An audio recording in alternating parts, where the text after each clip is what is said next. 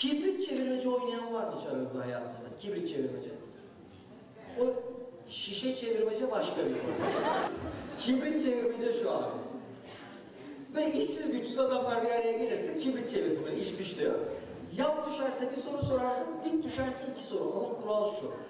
Karşıdaki kesinlikle doğru cevap vermek zorunda. Kural bu. Üniversitedeyiz. Böyle kibrit çevirmece oynuyoruz abi. Gece iki falan oldu. Fakat olay ciddiye bindi. Herkes önce kız arkadaşın var mı? Kim? Doğru söyle. Kimi seviyor? Böyle oynarken millet birbirine şunu sormaya başladı. Benim hakkımda ne düşünüyorsan gerçekten söyle. Millet de söylüyor. Ben bir attım dik geldi. Şimdi ortamda herkese sormak istemedim abi. Dost var, düşman var, eleştiriler. Ben böyle çete reisi falan kabul ediliyor. Oğlum dedim kime sorayım? Seyfi'ye sorayım. Çünkü Seyfi benim kankam. Dalyan gibi bir adamdır Seyfi. Hep bizle beraber çıkarız. Acayip beni canı gibi böyle korur kollar. Öyle ki yani kavga olursa ben hiç girmiyorum. Seyfi adamı dövüp bana getiriyor. Acayip kankam benim Seyfi. Dedim ki oğlum Seyfi'ye sorarsam benim hakkımda ne düşünüyorsun? Harbiden beni izler yani. Seyfi şunu yapalım bir sorgulaması var. Seyfi'ye sorarsam Seyfi diyecek ki oğlum diyecek benim gözümde hani Malkoçoğlu'yla Süpermen arasında bir yerde konumlanıyor. Böyle böyle diyecek tamam mı? Seyfi dedim ya gruba bakarak. Seyfi'cim benim hakkımda ne düşünüyorsan söyle onu dedim. Dürüstçe söyle onu dedim. Seyfi dedi ki karakter sizin kırılısın oğlum sen. Yazın bunları çekmiyoruz değil mi Volkan? Çekiyoruz mu? Hadi be. Tamam. Dedi ki oğlum çok karakterli adamsın dedi. Bunu düzen. Aa ben şok oldum. Sen, oğlum niye öyle diyorsun falan dedim. Seyfi devam ediyor. Oğlum sen geçen de böyle yaptın da ona. Seyfi susmuyor. Yani başkasına sorsam kısa konuşup. Abi sen böyle de yaptın geçen de böyle. Seyfi susmuyor. Acayip benim moralim bozuldu. Baktım anlattı anlattı anlattı. Ben bir sinirlendim. Kalktım ayağa. Oğlum dedim madem öyle, madem öyle düşünüyorsun, dedim benle ne giriyorsun kavgaya? Benle dedim her izne çıkıyorsun, hep dedim benim yanımdasın bilmem. Madem böyle dedim, hem dedim madem böyle, dört yıldır kankayız oğlum, bir kere niye söylemedin bana dedim. Seyfi durdu, abi hiç kibrit çevirmeci oynamadık ki dedi. Durdum ben, Aa, doğru falan dedim. Abi gece yattım Bora ben. Dört oldu, beş oldu ben uyuyamıyorum. Bir düşündüm, önce çok kızdım Seyfi'ye. Bir düşündüm, dediği doğru. Orada öyle diyor, doğru. Orada, abi sabaha doğru uyandırdım, Seyfi kalk dedim. Kalktı Seyfi, oğlum doğru söylüyorsun dedim. Tabii abi dedi ya. Ben seni sevdiğim için söylüyorum dedi. Sevdiğim için söylüyorum dedi. Ben seni canım gibi de seviyorum ona göre de. Biz bir sarıldık birbirimize. Seyfi şimdi ODTÜ Kıbrıs'ta öğretim üyesi. Hala aynı adamdır biliyor musun? Bir yanlış yaptığında çat diye söyler oğlum bak bunu yanlış yapıyorsun der.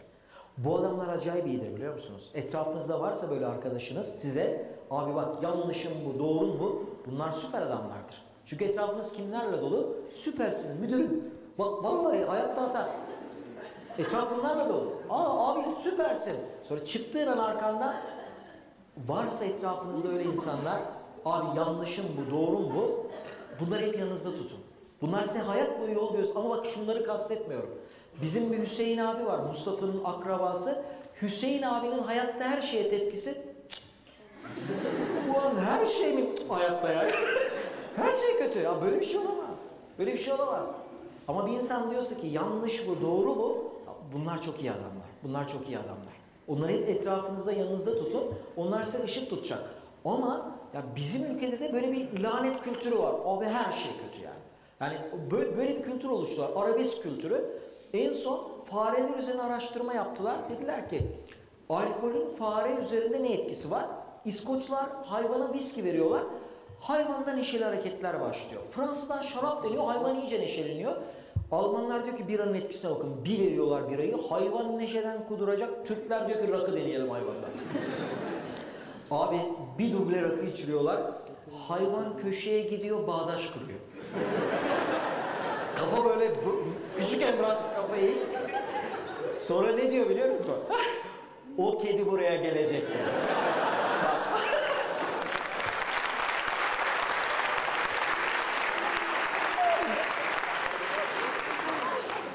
Kazım titretme mikrofonu.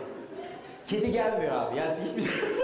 Senin çaba göstermen gerekiyor. O kedi buraya gelecek. Şimdi kızın diye demiyorum ağzı var. Dili yok vallahi. Böyle bir laf vardır. Ağzı var, dili yok vallahi. Dil öğrenmeye gidersiniz. Dört şey öğretirlerse, dil öğrenmeye gittiğinizde dört şey öğretirler. Ee, bunlar yanlış tespitler olabilir. Oturuyorum ben diyorum ki abi budur budur. Bu da yanlış bir tespit olabilir ama hayata aslında dört şekilde dokunuruz. Dinleyerek, okuyarak, konuşarak ve yazarak. Sıralama doğru oldu mu benim atışımla? Hayır. İnsan oldu der. Yani. Direkt olmadı. Tekrar baştan alıyorum. Sıralama doğru oldu mu? Abi oldu deseydin bak be. Diyen arkadaşım var ya. Dünyada hayırı böyle söyleyen üç millet var. Türkler, Yunanlılar ve Suriyeliler. Bütün dünyada hayır hareketi bu. Dünyada hayır bizim gibi yapan, yani kelleyi komple geri atarak, gözlerini 13. Cuma filmindeki gibi bir tur geriye devirerek, diliyle damağını yapıştırıp şaplatarak, hayır direnç ver. Ve neye bağlıyorlar biliyor musunuz? Bütün dünyada bebeklere mama uzattığınızda çocuğu olanlar el kaldırabilir mi? Çocuğu olanlar. Bora sen kaldırma. Evet. Ee, bir yaşlarında çocuğu olanlar el kaldırabilir mi? Allah bağışlasın. Ee, isim hanımefendi. Sema eşinin adı ne? Burak. Eşine sormuyorum çünkü onu bilme ihtimali yok Murat'ın. Sana soruyorum. Ufaklığın adı ne? Dilsu. Sinirlenme. Ya bir harfi yanlış söyledim. Dilsu. Nilsu. Genelde yanlış söylüyorlar da ondan başkalarına silerim bana patladı. Murat Allah kolaylık versin. Ben bu Murat öyle diyor hocam vallahi böyle. Ee, e, Nisu sakinleş bir şey soracağım. Nisu'ya mamayı uzattın. Yemeyecekse başına ne yaptığına hiç dikkat ettin mi? Ne yapar? Kesinlikle. Kesinlikle. Allah beraber yaşlanmayı nasip etsin. Nilsu sen ve Murat'a çok çok sağ ol. Dünyadaki bütün bebekler bakın mama uzattığınızda otomatik hareket bakın mı? Allah aşkına şöyle bir Türk bebek gören var? Mama uzatıyorsun. Baba bana almıyor. Abi böyle bir şey yok. Yani, sonradan değiştiriyoruz ya. Böyle bir şey olabilir mi? Konuyu dağıttığımın farkındayım hemen dönüyorum. Dinleye, okuyarak, yazarak, dinleyerek, konuşarak. Doğru oldu mu sıra? Abi yanlışsam söyleyin. Biz Türk milleti dinlemeyiz, okumayız, yazmayız, sadece konuşuruz biz. Sadece konuşuruz. İş hayatına bakıyorum, hayata bakıyorum. Başarılı dediğimiz insanların özelliği ne biliyor musunuz? Çok dinliyorlar, çok okuyorlar, çok yazıyorlar, daha az konuşuyorlar. Bütün fırsat orada bir yerde. Ve oraya baktığınızda birkaç tane rakam size. Hacettepe Üniversitesi'nde yürüttüler bu araştırmayı. Dediler ki ders kitapları dışında kitap okuyor musunuz? Hatırlayamadıkları kadar uzun süredir öğrencilerin yüzde yetmiş bir buçuğu kitap okumamışlar. Başka bir rakam, ona başka bir rakam. Bir araştırma daha yaptılar. Bir Japon yılda 24 kitap okuyor. Bir Fransız yılda 14 kitap okuyor. 6 Türk yılda bir kitap okuyoruz. Peygamber Efendimiz'e inen ilk ayet ne? İkra, oku. Öyle bir inanç düşünün ki ilk yolladığı kelime, ilk oku, biz onu seyret anlamışız. Almanya'daki Almanların televizyon seyretme süreleri Almanya'daki Türklerin beşte biri çıktı. Bütün fotoğraf orada. Bütün fotoğraf orada. Dinlemeyeceksin, okumayacaksın, yazmayacaksın. Bakın cahil insan tehlikeli değildir biliyor musunuz? Cahil olduğunun farkındadır. Eğitimli insan da bilir. Tehlikeli olanlar yarı cahillerdir. Profesör Doktor Uğur soyadını hatırlayamıyorum. Şöyle bir yorum yapmış.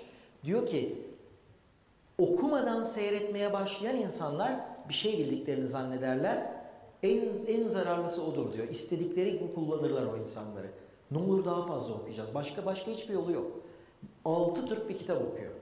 Yedi Türk bir araya gelince kurmana giriyoruz. Altı Türk bir araya gelince oğlum bu sene kitaba girelim hayırlı bir olay olarak. Ee, iyi espri harbiden ben de beğendim. Ve iyi harbiden iyi.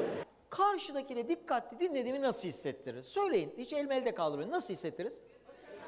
Gözün içine bakmak başka. Başla onaylamak başka. Soru sormak. Yüzüne bakmak, dönmek. Yorum yapmak. Güzel. Şimdi bak dikkatli dinleme becerisi. Önce fotoğrafa baktığınızda Mustafa Kemal bildiğim kadarıyla Erzincan depremi bir vatandaşı dinliyor ve sigorta o Erzincan depreminden sonra başlıyor. Bakın nasıl hissettirirsiniz. Bir tanesi sözsüz sesler. Aa, hmm, herkes anlar. Onun dışında küçük özetlemeler, beden dilinin etkin kullanımı, birkaç tane tiyosu var ama bir tanesini vereyim. Köpeği olan var mı grupta? Var. Diğerleri köpek gördü mü? Atlayan var ben gördüm diye. Sazan gören var mı? Yani atladı ben köpek gördüm diyor ya. Böyle bir şey olmuyor. Şaka yapıyoruz mi? Figen adı ne köpeğin? Köpük. Köpük. Aa, süper basit bir şey ama. Bembeyaz. Ya öncelikle Figen Türkçe isim koydun ya çok çok sağ ol. Çünkü soruyorum köpeğin adına James, George bilmem böyle. Hep, Ha, Türkçe köpek ismi inanılmaz köpek. Yalnız ablamların bir köpeği var adı Archie. Arçil. O havalı köpektir. Seninki bildiğin Türk köpeği. bil- Evet. İlginç bir şey gördüğünde köpek başıyla ne yapıyor? Hiç dikkat ettin mi? İnanılmaz. Bakın dünyadaki bütün doğa, bütün canlılar ilginç bir şey gördükleri anda otomatik hareket bakın şular. Kafayı yana yatır. Direkt.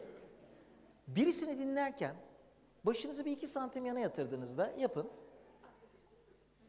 Abi bir iki santim ıh, yapılmaz. Bir iki santim yana yatırdığında çok çok sağ ol Figen. Karşıdaki de dikkatle dinliyor. Biraz da onayladığınızda karşıya mesajı veriyorsunuz. Bir tanesi uzun uzun anlatıyor tek bir kelimeyi seçip tekrarlıyorsunuz. Diğeri de abi yaptığınız işte siz onu 300. defa duyuyor olabilirsiniz ama o ilk defa anlatıyor. İlk defa duyuyormuş gibi tavır göstermezseniz, burada rol yapın demiyorum ama insanlara değerli olduğunu hissettirmek. Ben hayatımda hiçbir fıkrayı daha önce duymadım biliyor musunuz? 20. defa duyduğum fıkrayı bile hiç duymadım. Çünkü arkadaşım anlatırken benimle bir şey paylaşmak istiyor. Onu fark ettiğim için abi biliyor musun? Hiç bilmiyorum derim ve dinlerim sonuna kadar. Çünkü paylaşmak istediği şey dostluk. Onun dışında konuyu değiştirmeme ve araya girmeme. Bunlar Türkiye'de balla yapılan şeylerdir. Pekiştirme soruları bir de Türkiye'de hiç olmayan bir şey not alma. Not alma. Aa, bak çantayı açan arkadaş var oğlum bak. Helal olsun sana. Sabahtan beri var. Tamamdır. Sündürme ben konuya döneceğim. Umut bizim genel müdürümüz. Umut bizim genel müdürümüz. İzgören Akademi'nin genel müdürü. Ee, ve bu kurumu çok özel bir yere taşıdı. Çok özel bir yere taşıdı. Kaç yıldır beraberiz Umut? 8 yıldır beraber çalışıyor. 8 yıldır genel müdür Umut kurumda. Ve aldı bu kurumu. Biz bir tane bir şirketken, altı, iki şirketken 6 şirkete çıkardı. Ve e, bir araştırma için Türkiye'deki çok büyük firmaların 154 tanesine sordular. Türkiye'nin en iyi eğitim danışmanlık şirketine diye. iki hafta önce 10 firma çıktı. 7'si yabancı şirket çıktı biliyor musunuz? 3 Türk şirketi çıktı. 10 şirketin 9'u da İstanbul şirketi çıktı. Bir tane Anadolu şirketi çıktı. Üçüncü yabancı, dördüncü yabancı, beşinci yabancı. Ee, birinci şirket İzgören Akademi çıktı. Bir Türk şirketi Anadolu'da ve şok oldular. 6 şirketiz biz, 42 kişiyiz. Ve genel müdür e, bana hocam mikrofon lazım mı, su öyle oluyor. Bütün ekip koşarsa oluyor her şey. Umut'la beraber yaşadığımız bir olay anlatacağım size. Ben Umut Zeynep İstanbul'dan dönüyoruz. Ee, durduk e, Park Shop diye böyle İngilizce isimli bir yer var yol üzerinde. Köfteci Ramiz. Girdik abi oturduk. Çocuk geldi görevli. Ee, ne istemişsiniz abi dedi. Adın ne dedim. Niye ki dedi. Şimdi burada isim yazmıyor. Abi dedim adını sordum.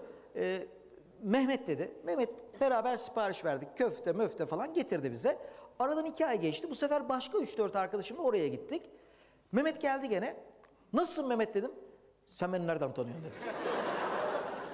E dedim iki ay önce biz buraya geldik köfte yedik falan. Ben seni tanımıyorum ama dedi. E beni pek tanıyan yok zaten dedim. Tamam abi dedi iyi unutmamışım falan dedi. Unutmadım. Mehmet dedim bize köfte bilmem ne söyledik. Abi Mehmet bize ekstradan salata getirdi. Abi bu benden dedi. Ondan sonra bir şey daha getirdi. El sıkıştık ayrıldık. Aradan bir süre geçti gittim. Başka garson dedim Mehmet askere gitti abi dedi Mehmet. Sen nereden tanıyorsun dedi. Biz de burada servis yapıyordu. Ee, Semih Sergen'le e, tanıyanlar vardır Semih Sergen'i. Tiyatrocu, müthiş e, e, Toprak Sergen'in, Burak Sergen'in babası. Havalanında karşılaştık abi. Ee, Şerif nereye gidiyorsun? Dedim Taksim'e gidiyorum hocam. Aa ben de Taksim'e gidiyorum. Havalanında taksiye doğru geldik. Ee, taksici normalde yardımcı oluyorlar. Semih Bey de 70 yaşlarında, 65 yaşlarında bir adam. Adam hiç yardımcı olmadı abi. Ben aldım bavulunu koydum. Geçti oturdu. Ama normalde o sıra çok sık gidiyorum İstanbul'a. Ve bütün şoförler yardımcı oluyor aslında. Biz koyduk eşyaları, bindik. Semih Hoca iyi akşamlar kardeşim dedi. Ben de iyi akşamlar dedim. Taksici bize nereye dedi. Şimdi iyi akşamların cevabı iki kişi iyi akşamlar diyor. Cevap nereye?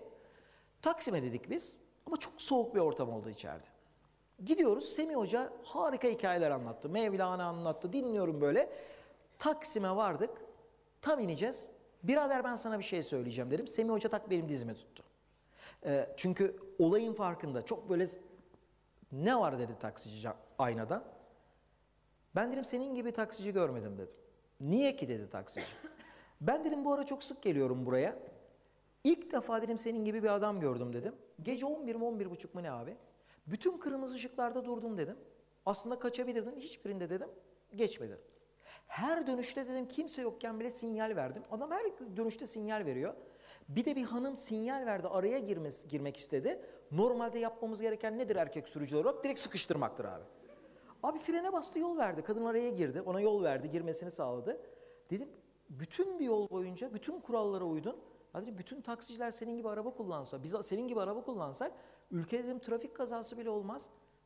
Döndü bize ikimizin gözüne dedi ben 25-30 yıldır dedi taksiciyim dedi. Bütün kurallara uydum. Hiç kaza yapmadım dedi. Evime hep ben böyle ekmek götürürüm dedi. Sağ ol birader dedik. Siz sağ olun abi dedi. Ben dedi yalnız bir şey söyleyeceğim. Nedir? Ben dedi hocamı dinliyorum dedi Semih Hoca için. Çok güzel hikayeler anlattı. Bölmemek için dedi hiç konuşmadım. Hep dinledim hocamı dedi. Semih Hoca da çok sağ ol, çok teşekkür ederim. Abi biz çıkmadan taksici fırladı. Semih Hoca'nın kapıyı açtı. Biz çıktık fırladı bavulunu aldı Semih Hoca'nın. Ben de aldım. Biz geçtik taksinin yanına bindi. Biz taksiciye salladık. Taksi bize korna çaldı. O da bize el salladı. Abi burada anlattığım Allah aşkına bunu belirtmezsem ağlarım üzüntünden. Burada anlattığım şu değil. Buraya gelen konuşmacılar genelde mükemmel adamlar oluyor. Şimdi bunu siz yaparsanız dayak yersiniz tamam mı? Bu konuş kişisel gelişimciler falan bunlar yaptığımı abi bakın e, kesinlikle kendimle ilgili o kadar çok çuvalladım ki hayatta ben. Ama bu anlattığım ne biliyor musunuz? Adama bir kişi o gün boyunca merhaba dememiş.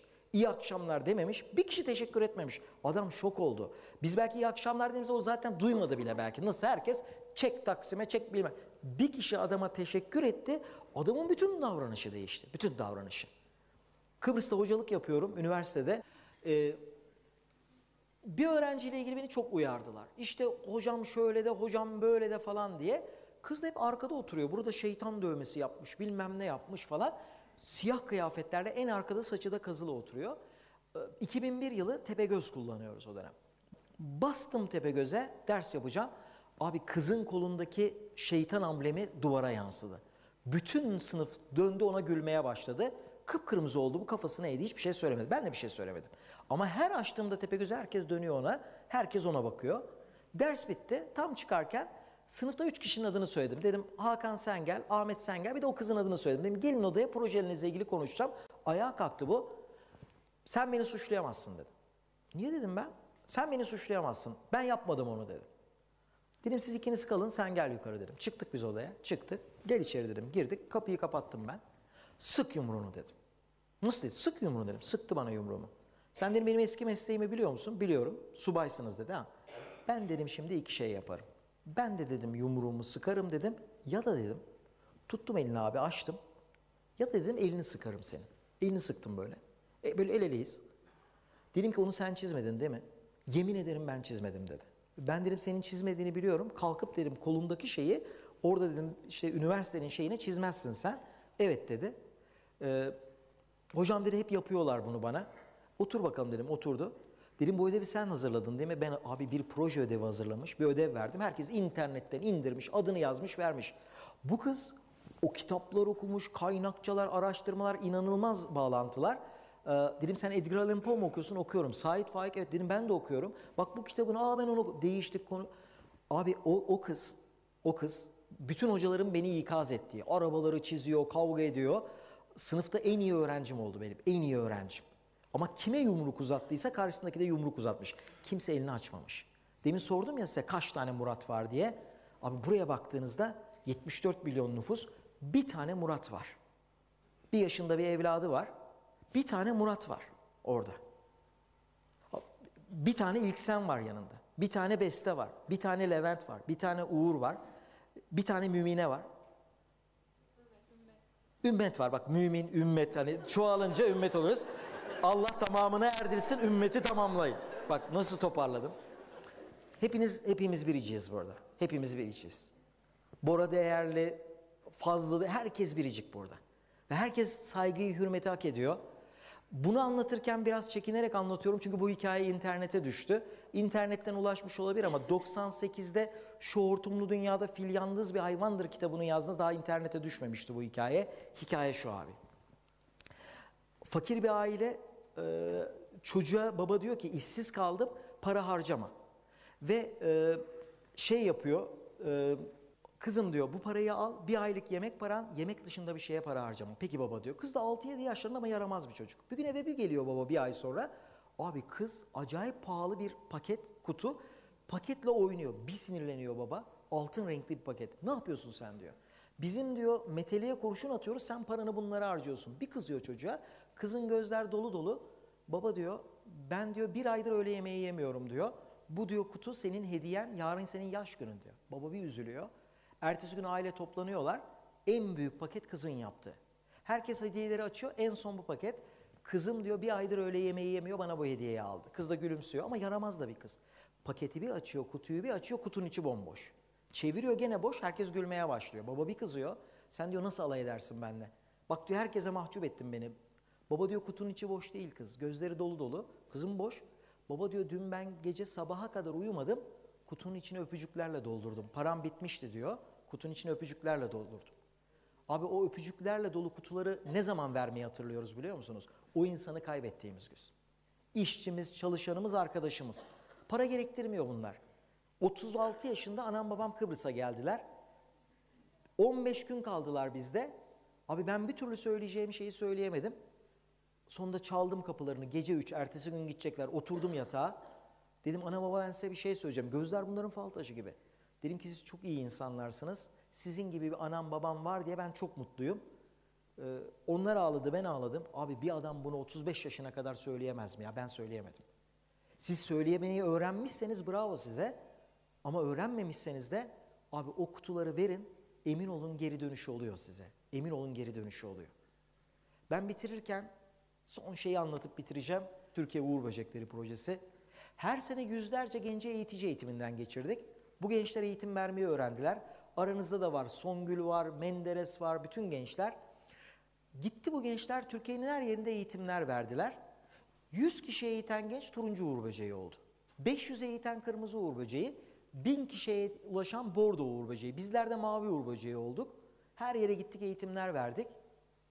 Ve e, öğrettiğimiz şeylerde dürüstlük, girişimcilik, e, vatan sevgisi, hoşgörü ve iş kalitesi. Ve ülkenin her yerinden fotoğraflar geliyor bana.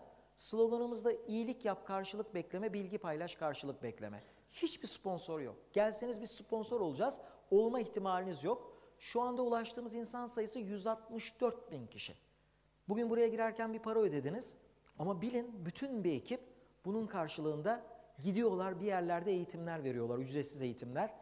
Benim işimi yapan adamlara bir şey öğreteceksiniz abi. Bilginin zekatı vardır. Bilginin zekatı vardır.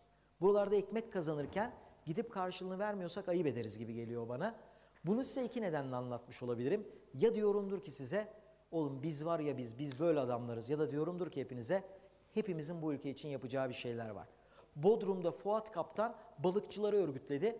Her gün artık giderken yanlarına bir taş alıyorlar. Bir bölgeye taş atıyorlar. O bölgede balık yuvası olsun, balıklar artsın diye. Ülkeye bir şey katmak için. Uğur böcekleri ve hepsine söylüyoruz. Hiçbir yerde yeni uğur böceği olduğunuzu anlatmayın. İyiliği yapın kimseye anlatmayın diye. Niye anlattım size bunları? Bu ülkeyi buradaki iki tane ilke ayakta tuttu. Vatan sevgisi ve hoşgörü. İkisi bir ayakta tuttu. 1950'li yıllarda Büyükada'da bir cenaze var. Abi cenazede mevlüt yapıyorlar camide. 30 Müslüman Türk var. 40 Hristiyan Rum var. 10 da Musevi vatandaş var. Sonra belediye başkanı oldu adam o anlattı. Hocam dedi bir çıktık bir baktık dedi. Kim Musevi, kim Hristiyan, kim Türkiye hiç bilmiyoruz dedi. Bir sarıldık birbirimize gittik dedi. Ülkeyi ayakta bu tuttu biliyor musunuz? Vatan sevgisi ve hoşgörü.